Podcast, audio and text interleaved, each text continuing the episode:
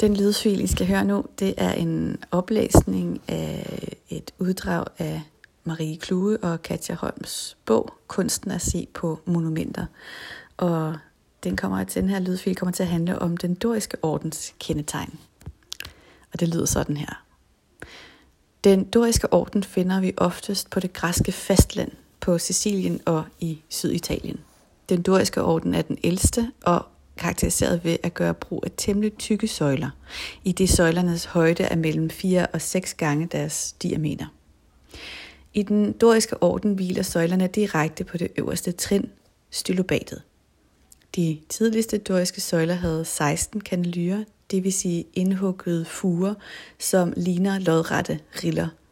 De tidlige søjler er ofte hugget af en stor stenblok, såkaldte monolitiske søjler.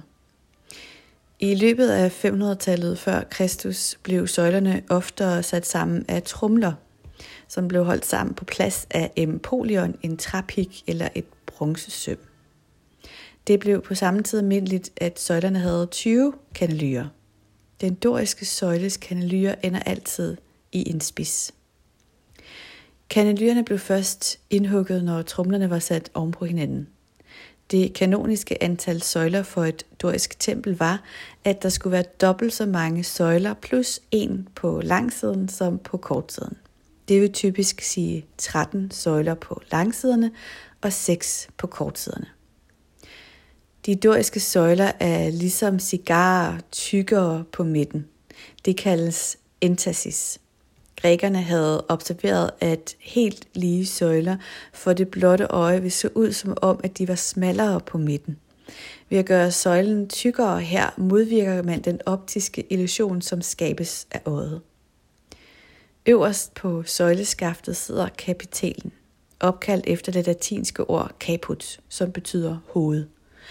På de tidlige templer i træ sørgede kapitalen for, at vægten fra taget blev fordelt ligeligt, og træsøjlen ikke flækkede under tagets vægt. Men, med, men en stenkapital har faktisk ingen praktisk funktion, og er kun påsat af æstetiske årsager. På de doriske templer består kapitalen af to dele, abacus og echinus. På græsk betyder echinus søpindsvin. Grækerne har måske syntes, at stenen lignede skallen af et søpindsvin. Echinus er i hvert fald pudeformet, mens abacus, som ligger ovenpå Echinus, er en firkantet plade. Med tiden bliver Echinus mindre pudeformet og får en mere sådan trekantet og skarp form. Søjlernes kapitaler understøtter arkitraven, og ovenpå arkitraven er frisen placeret. Den doriske frise består af triglyfer og metoper. Triglyfer minder om den oprindelige træstkonstruktions bjælkeender. De er rektangulære og har tre vertikale riller.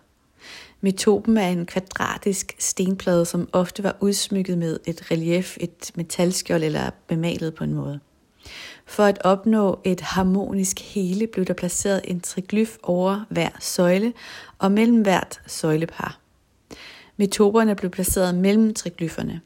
Over frisen finder man gejseren. Og tilsammen kaldes arketrav, frise og gejseren for entablaturet.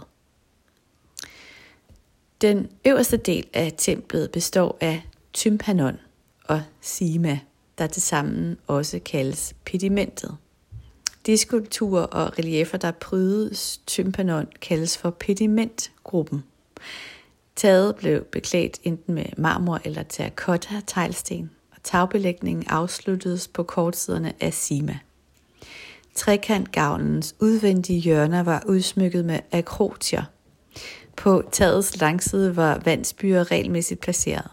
Vandsbyerne var ofte øh, udformet som løvehoveder, og de sørgede for, at vandet blev ledt væk fra templets tag og ud i den frie luft.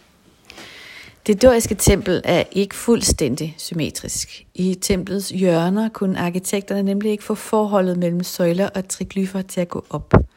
Det kunne løses på to måder. Enten kunne triglyfen placeres helt yderst og altså ikke over søjlens midterlinje. Det betød, at metopen, som sad ved siden af, blev forlænget med en halv triglyflængde, og ikke længere var kvadratisk som alle de andre metoper. Eller hvis arkitekten ikke kunne lide rektangulære metoper, så kunne søjlerne flyttes, sådan at de to yderste søjler blev placeret en halv triglyflængde tættere på hinanden.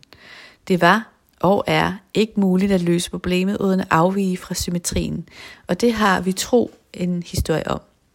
Han skriver i sin, sit værk om arkitektur i den fjerde bog, der skriver han således.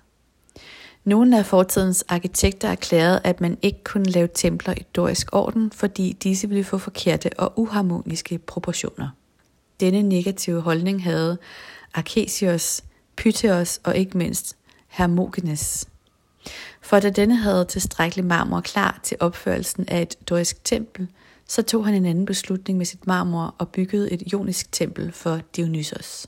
Og det er ikke fordi det, det doriske tempels i udseende type eller i sin erhverdige form er uskyndt, men fordi fordelingsprincippet er hindret og besværligt gjort med hensyn til anbringningen af tryglyferne og fordelingen af pladerne under gesimsen.